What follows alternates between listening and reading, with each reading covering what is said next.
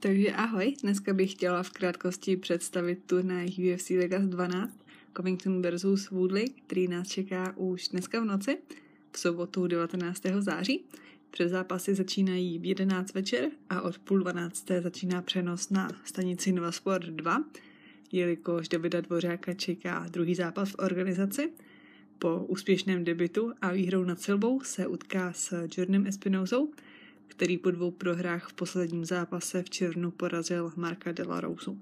Zápas Dvořáka by měl být poslední v rámci předzápasu a po něm bude následovat šestizápasová hlavní karta, kterou otevře ve střední váze Kevin Holland s Darrenem Stewartem.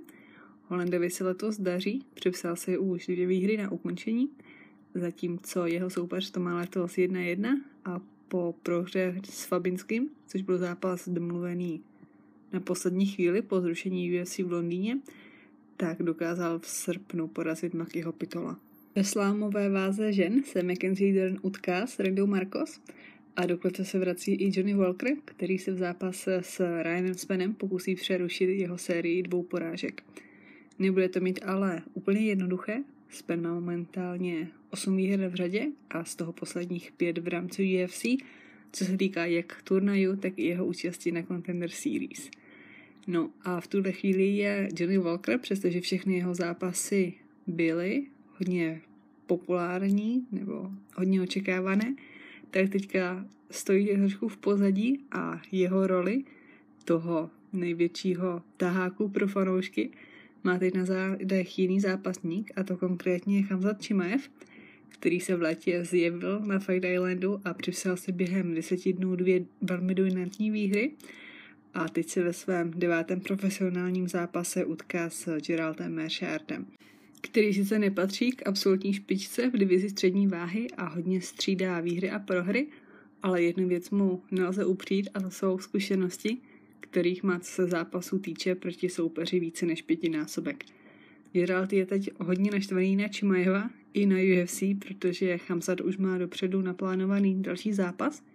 Měl by se za pár měsíců utkat s Demienem Majou a přestože se to může zdát třeba jako hloupost, tak tohle je pro něj větší motivace určitě a proč Mejva možná i důvod, proč ho může podcenit. V hlavním předzápase turnaje se pak do klece vrací kovbohy Donald Cerrone, který si vzal nezvykle dlouhou pauzu, ale jak si sám dělal srandu na tiskovce, tak už mu po zápase s McGregorem došly peníze a tak musí znova zápasit. Proti Nikovi Priceovi to ale není nikdy jednoduché, a jak sám Price říká, tak on není člověk a nikdy nevíte, co od něj čekat. A samotného ho některé ty jeho manévry překvapují. překvapují. Letos má za sebou Price jeden zápas, kdy s Vincente Luque prohrál kvůli problémům s okem, když ho doktoři nepustili do dalšího kola. Nicméně tenhle ten zápas má velký potenciál a určitě patří k, jedno, k jednomu z nejočekávanějších na kartě. No a tím se dostávám k hlavnímu zápasu večera, bitvě mezi bývalými šampiony. Colby Covington vyhrál pás prozatímního šampiona veltrové váhy a jeho cíl byl v tu chvíli zápasit právě s Tyronem Woodley, který v té době držel ten pás opravdový, šampionský. Bohužel ale tenhle zápas přichází, si myslím, tak trochu v nevhodnou dobu. Ani jeden z nich už není šampion. Covington v minulém zápase prohrál s Usmanem ve snaze se jim stát a dodnes nemá úplně vyřízené účty s rozhodčím Markem Godardem. No a o Woodlim snad radši ani nemluvím.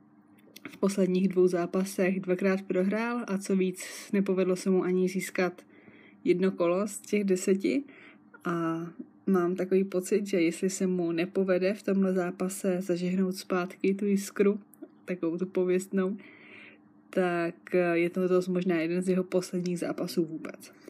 A na druhé straně je taky Covington, který má ve svém životě hodně změn. Letos opustil American Top Team, kde už to s ním nemohli vydržet a připravuje se v novém prostředí, což ho může pochopitelně hodně ovlivnit. Jak jsem ale už říkala, tenhle zápas je sice zajímavý a těším se na něj, ale kdyby se konal o nějaké ty dva roky dříve, tak by byl ještě o několik levelů lepší. Navíc Kolby byl po celou dobu přípravy až neobvykle potichu a celý ten build-up k tomu zápasu mi přijde nedostatečný k tomu, o jaký zápas jde.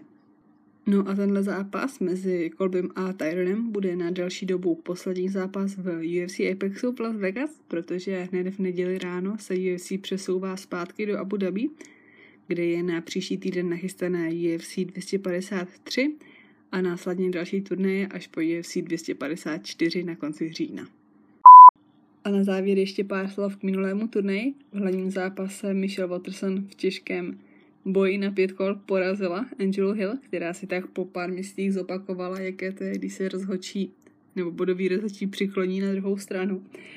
Otmin Zajtar si rychle poradilo s Kamou Wardem a Roxy Modafferi si připsala už druhou výhru nad Andreou Lee. Zápas, o kterém se ale hodně mluvilo a byl podán i protest k otočení nebo anulaci výsledku toho zápasu, je zápas, který Ed Herman vyhrál na Kimuru ale to bylo potom, co ho Mike Rodriguez v zápase několikrát málem ukončil a hlavně také potom, co si Herman vzal čas k oddechnutí potom, co ho Rodriguez trefil kolenem. Nicméně podle opakovaných záběrů ho trefil čistě na břicho a nedá se to nějak jako zvrátit, protože kamera nelže. No a na hladní kartě si připsali výhru i Bobby Green a Billy Quarantillo. A tohle je pro tuhle epizodu všechno. Děkuji všem za poslech a budu se těšit zase příště. Ahoj. thank you